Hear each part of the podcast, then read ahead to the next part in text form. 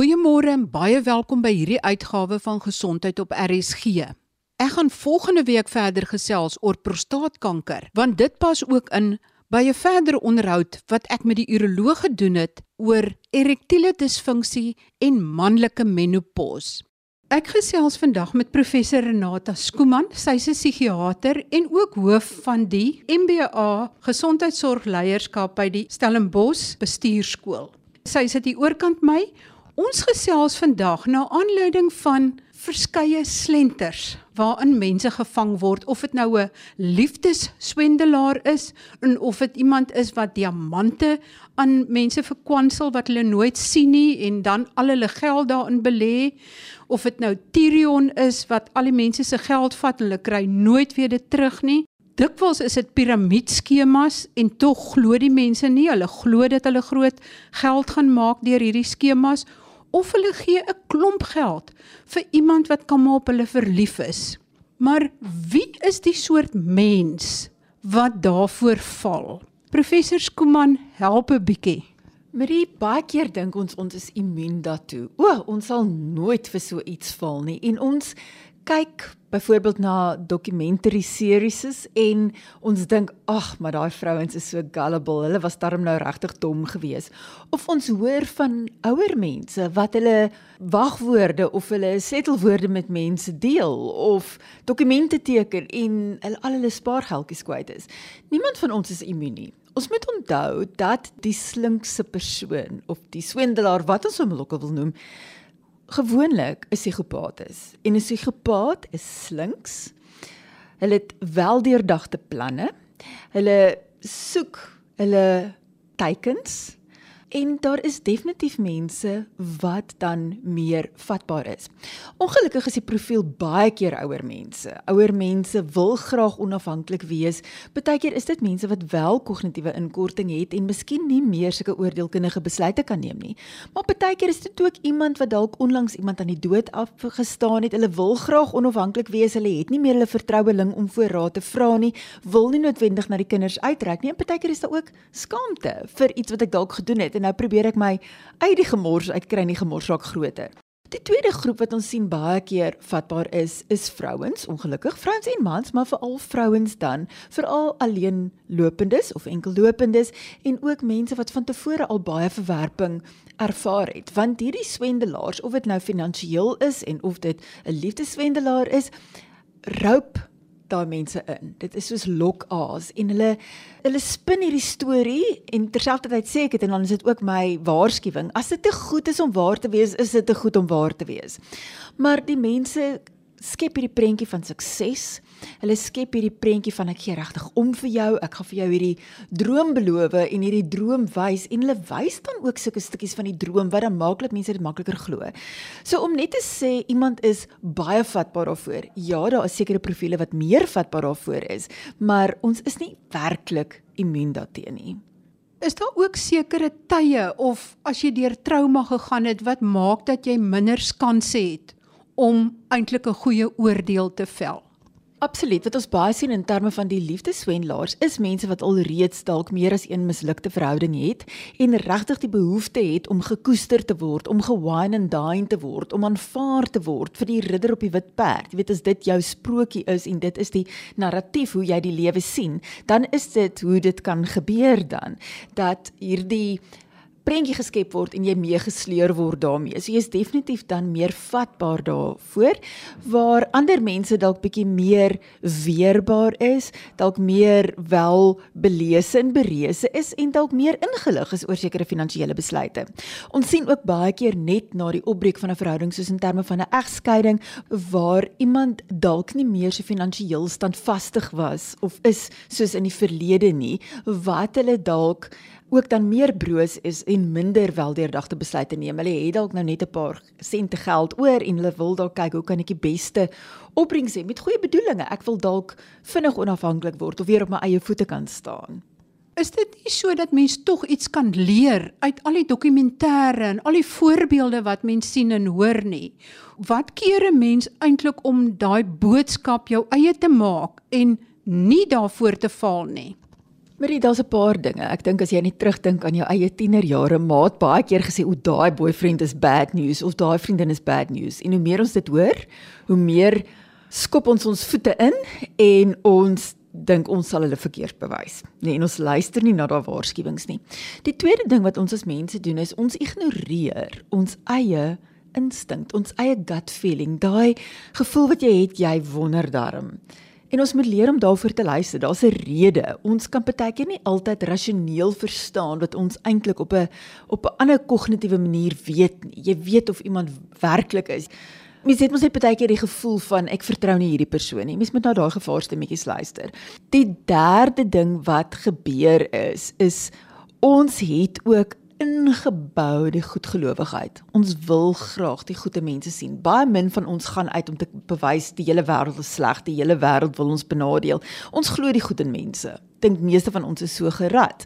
En dit is dan nou ook wat gebeur. Ten spyte van die waarskuwingsstemmetjies Ons luister dalk nie daarna nie. Ons wil dit nie regtig glo nie. Ons wil dalk die mooi storie glo. So ja, dit is die een een stukkie raad dalk ook. Luister vir daai stemmetjie. Luister ook vir kollegas of vriende wat omgee en vir jou dalk sê maar, "Jo, dit is nie 'n goeie idee nie." Die ander stukkie waarskuwing is ons moet versigtiger wees met wagwoorde. Ons moet versigtiger wees met hoe ons persoonlike besonderhede uitgee aan mense. Jy weet mense is so geneig om te dink in terme van swendelaars, maar daar's soveel ander wat hulle noem phishing schemes wat ons op 'n daaglikse basis sien per SMS of per e-pos waar iemand vir jou iets beloof en of iemand van jou iets guns vra of so en dis baie keer maar ook 'n skelmstreek. So ons moet oor die algemeen versigtiger wees hoe ons met tegnologie en identiteit omgaan en ook ons eie persoonlike besonderhede met mense deel. Die derde ding is daar ook as jy iemand net ontmoet, jy moet versigtig wees oor hoe jy inligting van jouself deel. Onthou vir al iemand wat regtig 'n psigopaat is, hulle is op die uitkyk na hoe hulle jou kan inlok en oorrompel. Met ander woorde, as jy net te veel van jou eie persoonlike goed met hulle deel, dan weet hulle wat is jou belangstellings, jou sagte punte, jou swakpunte en hulle gaan dit teen jou gebruik. Dis nog 'n waarskuwing ook as mens byvoorbeeld die eerste keer 'n afspraak met iemand het of dit nou 'n besigheidsafspraak is of 'n persoonlike afspraak, as hulle die heeltyd net oor hulle achievements praat oor wat hulle bereik het en nie noodwendig met jou hulle drome, hulle ideale, hulle waardes deel nie. Moet jy begin wonder want hulle skep dalk 'n prentjie van wat hulle dink is ideaal. So daar's 'n paar goedjies waarna mens kan uitkyk. Die vierde ding wat ek dink is net sê dit ook maar bietjie tong in die kies as mens nou ook gekyk het na die die series soos The Tinder Swindler of Inventing Anna is al het die persoon 'n jet jy gaan nie op jou eerste date op die jet klim nie. Jy weet, doen dit maar in 'n publieke plek in 'n koffiewinkel waar jy ooglopend en in 'n veilige omgewing dalk met iemand omgang tot jy iemand beter ken voor jy dalk nou gewaan en dine raak want sodra daar alkohol by betrokke is dan is ons oordeel ook swakker. So en dis ook hoekom daar baie natuurlik besigheidsetes is, nê, nee? want mense gee makliker in oor 'n besigheidsete na 'n glasie wyn of in 'n restaurant waar as mens op 'n neutrale grond ontmoet het dalk selfs om 'n belegging te bespreek, is die risiko's dalk laer. Mens kry nogal soms vriendskapsversoeke op Facebook van mense wat jy van geen kant af ken nie. Moet mens maar versigtig daarvoor ook wees. Ja, ek dink die reël moet eintlik wees as jy darm nie 'n hele paar mense in gemeen het nie, aanvaar jy nie die vriendskapversoek nie en jy ignoreer dit. Um as dit gebeur, kyk ek altyd daar met regtig omtrent 10 tot 50 mense in gemeen wees voor ek dan gaan kyk na die wie is die persoon ook voor ek dit aanvaar. Want dis definitief nie 'n plek waar mense vreemdelinge bevriend en hulle kan al jou privaat goeder sien nie. So mense moet ook maar kyk na jou sekuriteit settings. Jy weet ons leer tog vir ons kinders jy klim nie saam met 'n vreemde oom in die kar nie. Jy weet so hoekom gaan jy nou 'n vreemde oom in jou sosiale internetplatform innooi daar's 'n mooi gesegde hou jou vriendelikheid goedkoop maar jou vriendskap duur Professor Renate Skooman, psigiater en verbonde aan die Stellenbosse Bestuurskool, fokus op die swendelaar. Hoe kan 'n swendelaar se profiel lyk? Ek wil sommer begin deur te vra, is daar 'n verskil tussen 'n sosiopaat en 'n psigopaat? So die korrekte term is eintlik antisosiale persoonlikheidssteuring, so dit is wat ons as psigiaters gebruik. En dan word daar gepraat van 'n psigopaat en 'n sosiopaat Psigopaat en sosiopate het antisosiale persoonlikheidssteuring. Psigopaat is gewoonlik net hoër funksionerend, slimmer, slinker en hulle word nie gevang nie. Die sosiopaat is gewoonlik die ouens wat in die tronk beland en die sosiopaat is ook die ouens wat gewoonlik meer gewelddadige misdade pleeg. Met 'n psigopaat gaan nie noodwendig gewelddadige misdaad pleeg nie, hulle is meer geneig om net te lieg en te bedrieg en baie keer die wit boortjie tipe kriminele rekord dan te kry of te ontduik want hulle is slinks. Dis moeilik. Ek, dit sou baie lekker gewees het as hulle verby 'n scanner kon loop en sê, "Ag, jy is een en nee, so oppas vir jou." Maar daar's goed wat ons moet uitkyk. Ek dink ons kyk as ons praat in terme van diagnostiese kriteria, kyk mens regtig na iemand wat geen empatie het nie. Sy cold and callous. Mense is vir hulle voorwerpe om te gebruik en dan te verwerp na die tyd. Jy weet jy gebruik iemand as 'n means to an end. Weet dit gaan nie oor die verhouding nie. Hulle baie keer oppervlakkige verhoudinge. Die vriendskapssirkels is nie stabiel nie. Die kollegas is ook nie stabiel nie. Hulle kan baie keer kommunikasienetwerke baie manipuleer. Met ander woorde, hulle skep 'n beeld van wat hulle is, maar dis nie werklik so nie en hulle is ook geneig om ook in 'n werksarea byvoorbeeld mense te verdeel hulle is die ouens wat bepaal wie kry watter inligting en hulle kan regtig die storie nogal laat anders lyk as wat die werklikheid is en hulle kan ook baie keer jou baie sleg oor jouself laat voel en jouself doubt. Dis asof jy nie meer jou eie oordeel vertrou nie want jy verstaan nie eers meer rater wat is die werklikheid en wat is nie die werklikheid soos hulle inligting kan manipuleer nie. Hulle sal byvoorbeeld klassiek ook as daar sien maar 'n groot voordrag by die werk is oor 'n presentation wat jy moet doen, gee hulle net deels van die inligting vir jou jy doen die voordrag, jy doen jou beste, maar jy het baie belangrike inligting nie gehad nie. Die hele voordrag flop en jy voel soos 'n absolute fool daaroor. En hulle lyk soos die hero van die dag wat dan hierdie baie belangrike inligting dan nou deel asof dit hulle eureka oomblik was en om te shine. Mens moet kyk daarna. Die ander ding is wat baie keer gebeur is soos ek sê, hulle gebruik jou tot dan nie meer 'n doel is nie, dan verwerp hulle jou. So mense verstaan nie die vriendskap lekker nie. Dis 'n baie I take I take I don't give ever. Daar's geen empatie nie. Wel, hulle gee ook nie om as hulle iemand seermaak. Dit is net nie op hulle radar nie. Breek reëls en regulasies. Geen nie om vir die reëls van die samelewing nie. Dit wat vir ander mense geld, geld nie vir my nie. En dan die ander ding wat ek dink is belangrik is daar is regtig geen berou nie. Daar's net absoluut geen berou nie. So 'n lack of remorse, a disregard for social rules and norms en dan 'n complete lack of empathy is vir ons eintlik die drie goed wat dan uitstaan by 'n psigopaat. Dis meer algemeen onder mans, maar dit kom wel ook by vrouens voor. En waar pas die beskrywing narcis in? Narcissisme is ook 'n persoonlikheidssteuring, maar dit het 'n bietjie ander diagnostiese kriteria of die goed wat vir ons uitstaan daarvoor. Wat by ons uitstaan daarvoor is 'n uh, dis 'n inflated sense of self, so oormatige goeie selfbeeld en 'n sense of entitlement. Met ander woorde, ek is geregtig op spesiale behandeling. Ek is besonder belangrik. Ek wil ook net besondere belangrike mense mee omgaan. So wat baie keer gebeur wat nog hulle vir ons 'n rooi vlag in psigiatrie is, is die pasiënt wat daar inkom en vir jou sê dokter, ek het jou gegoogel en jy is die beste in die land en ek wil net vir jou sien. Dan rys my hare want dan jy weet mense kan dit nou baie maklik as 'n kompliment sien en ek hoop ek kan dit as 'n kompliment sien in baie gevalle, maar baie ander kere laat dit mense regtig regop sit want as iemand dit beskou dat hulle is so belangrik dat hulle net iemand met sekere credentials mag sien of op 'n sekere manier mag werk of um, hulle moet 'n spesiale parkeerplek hê of hulle hoef nie die reëls te volg nie daar's daar jy weet hulle moet direct access hê hulle mag jou selfoonnommer bel maar niemand anders nie daai tipe goed dan is dit vir ons um, 'n um, rooi vlaggie So narcissiste het 'n ander modus operandi. Dit gaan nie noodwendig oor die lieg en bedrieg nie. Dit gaan nie oor die lack of empathy nie. Hulle het baie keer ook nie empatie nie. Hulle kan ook baie soos die psigopate verskriklik kwaad raak. Hulle kan hierdie absolute wat ons noem narcissistiese rage kry as hulle voel iemand het nou hulle selfbeeld gekrenk of hulle te nagekom of dalk tentoongestel dat hulle nie so goed is soos wat hulle wil voorgee hulle is nie. So ons kan daai verskriklike woede en aggressie sien. Maar oor die algemeen is daar nie noodwendig 'n breek van reëls en regulasies nie. Daar is nie noodwendig kriminele gedrag by 'n narcissus nie, maar daar kan baie keer bullying wees. Daar kan baie keer interpersoonlike konflik en misbruik wees, emosionele misbruik van 'n partner baie keer. Ongelukkig sien ons baie keer ook dat dit albei saamkom. Jy weet dat iemand 'n narcissus is en hulle is ook 'n psigopaat. Narcissisme is meer algemeen as 'n psigopaat ek dink ek is baie keer bekommerd oor hoe maklik die term in die media rondgegooi word of hoe baie maklik eggenotes praat van hulle ander halftes as ouma ek is met 'n narcissus getroud.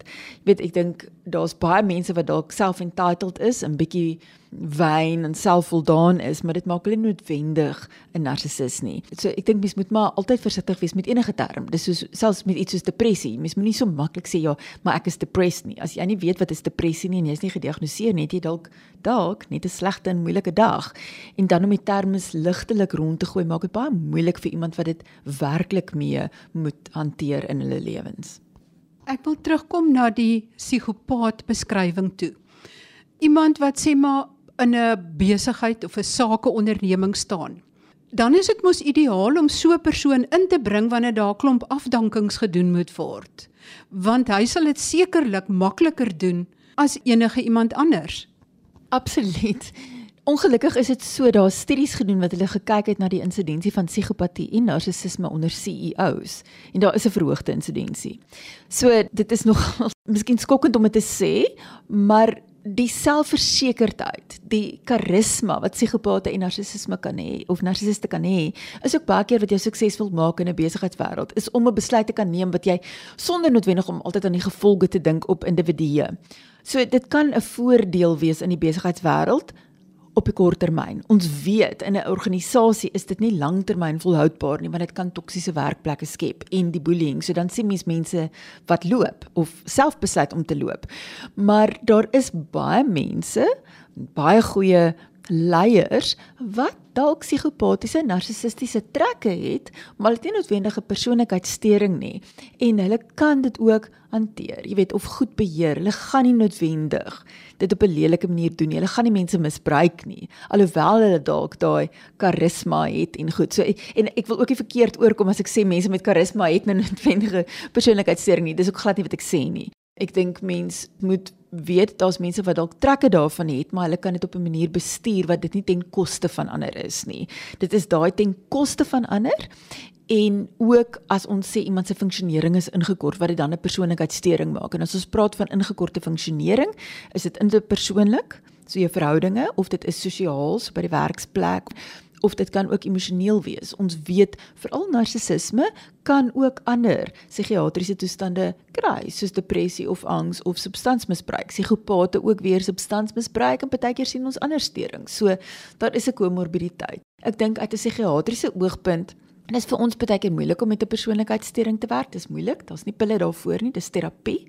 Daar's al baie keer gebrek aan insig. Dis baie keer die eggenoot of die kollega wat deurloop wat meer aanklop vir hulp as die persoon self. Maar vir ons as psigiaters of sielkundiges om ook empatie te hê met die persoon met 'n persoonlikheidssteuring want hulle het ook hulp en ondersteuning nodig en as hulle bereid is om hulp te kry wat ongelukkig die minderheid van gevalle is behalwe byvoorbeeld wat ons baie keer sien as dit op die punt van 'n egskeiding is wat die narcissus regtig wil hulp hê want hy wil nie sy kinders leed aan doen nie. Wat hulle dan baie keer bereid is om wel in terapie te gaan en hulle kan leer ook hoe om hulle optrede beter te beheer en nie noodwendig so ongevoelig te wees teenoor 'n kollega of 'n partner se emosionele welstand nie. Maar as mens nou dink aan die swendelaar of die besigheidsman wat baie charmant is, wat kan manipuleer, wat jou kan oortuig om sekere beleggings te maak om die diamante te koop of om selfs sy kollegas te bedrieg. Dit maak nie saak watter mense hoeveel geld hulle verloor nie. En ek dink dan spesifiek aan 'n persoon wat hier naby Stellenbosch bly wat se naam met 'n M begin. Is dit soort van die dinge waarvoor jy ook moet uitkyk? Absoluut. Daar's ook 'n gesegde waar daar 'n rookie trek is daar 'n vuurtjie. So ek dink dit kom weer daarop neer dat as iemand 'n track record opgebou het en die tweede ding as dit te goed lyk om waar te wees of as iemand jou nou al meer as een keer gewaarsku het, dan is daar dalk goeie rede daarvoor. Professor Skuman, maar jy het ook gesê dis baie belangrik dat elke vrou wie se man nou 'n bietjie geboelie het of iemand wat nou moeilik is, is nou nie noodwendig 'n psigopaat, 'n sosiopaat of 'n narcis nie. Dat mens baie versigtig moet wees voordat jy hierdie ketting om iemand se nek hang.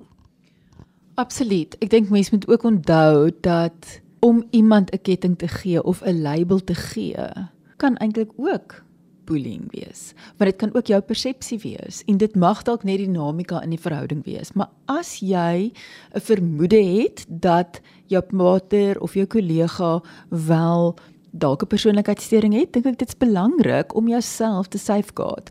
En die die veiligheidsgoed wat jy dan kan doen is byvoorbeeld om alle kommunikasie skriftelik te hou. Of dit nou WhatsApps is wat jy kan save of 'n e-posse is wat jy kan stoor, maar hou dit skriftelik. Die tweede ding is om getuies te hê en te dokumenteer. Dit is baie belangrik veral in 'n werksplek want dis op die ou einde iets wat jy moontlik na menslike um, hulpbronne toe kan neem, na HR toe kan neem.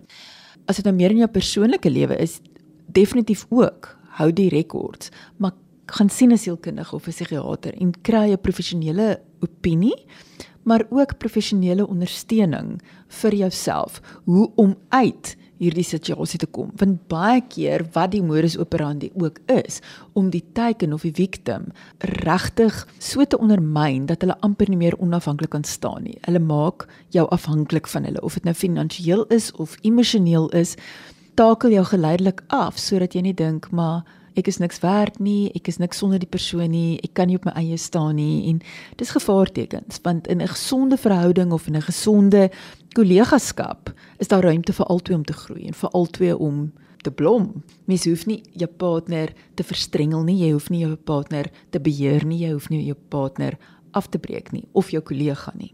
Is daar enige iets in die psigopaat se brein wat anderste is dat hy nie daai empatie kan voel nie. Kan mens met 'n funksionele MRI of met enige ander tipe skanderings of toetse iets optel? Daar is baie min wat ons konsekwent sien in die scans. Ons nog nie baie studies gedoen nie. Want onthou baie min van die persone met psigopatie of narcissisme gaan dit erken. So dis moeilik om die studies te doen. Daar's wel studies gedoen in persone met kriminele rekords wat hulle na gekyk het, maar daar's meer modelle wat ons het. So daar's definitief nie een ding in die brein wat ons kan pinpoint en sê dis dit nie. Goed wat ons wel gesien het is daar is studies en alhoewel dit nie sterk studies is nie, daar's 'n deel in mense brein wat pyn registreer en die deel aktiveer as dit emosionele pyn of fisiese pyn is. So dis 'n mens se singulaat korteks, dis 'n deel in jou brein en as ons byvoorbeeld sien dat iemand seer kry. Sê nou maar ek stamp my toon en jy sien dit of iemand is lelik met my en jy sien dit, dan kan jy my pyn voel. En daai deel in jou brein helder letterlik op. Selfs al kan jy net iemand se pyn observeer en dis wat empatie is. Nou daar's ander dele van die brein ook betrokke. Nou die spesifieke deel in van die studies wat gedoen is, lyk of dit nie so aktiveer in iemand wat psigopatie of narcissisme het nie. So daar is minder empatie.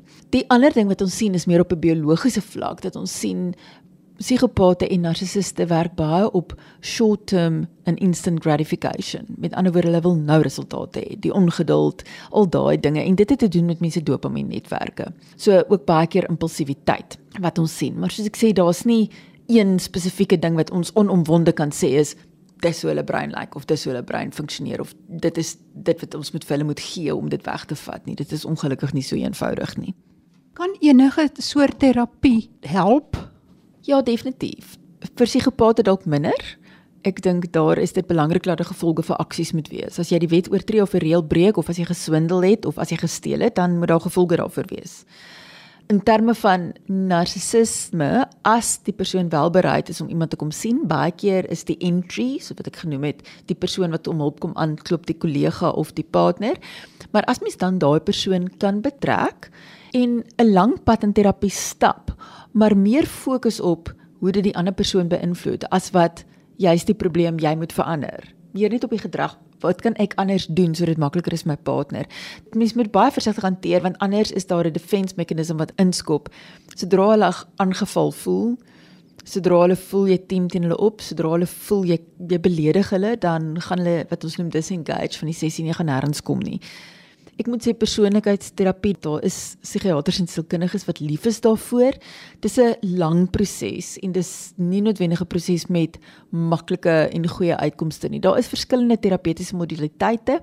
Partykeer werk groepsterapie beter, partykeer individuele terapie, maar dis 'n lang en moeilike pad en dis baie keer 'n bietjie so stout trek. Jy weet ons wen een tree die kant toe, dan wen ons weer twee tree daai kant toe en dit is maar baie keer ongelukkig ook 'n bietjie van 'n magspel wat mens nie eintlik in goeie terapie ooit wil hê nie, maar vir die pasiënte kan dit wees.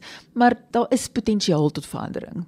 Professor Skuman, ons het nou 'n lang gesprek gehad oor swendelaars, psigopate, sosiopate en ook mense wat dan val vir al hierdie stories.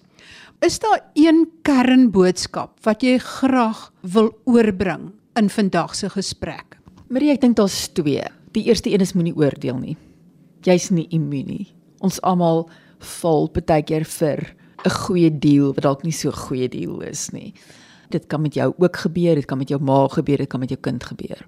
En die tweede ding is dalk luister vir daai klein stemmetjie wat ons het. As jy ongemaklik is in 'n situasie of jy dink dit is te goed om waar te wees, is dit 10 teen 1 te goed om waar te wees. Baie dankie aan professor Renate Skuman, psigiater en ook verbonde aan die Stellenbosse Bestuurskool vir hierdie interessante insigte. Baie groete van my, Marie Hudson.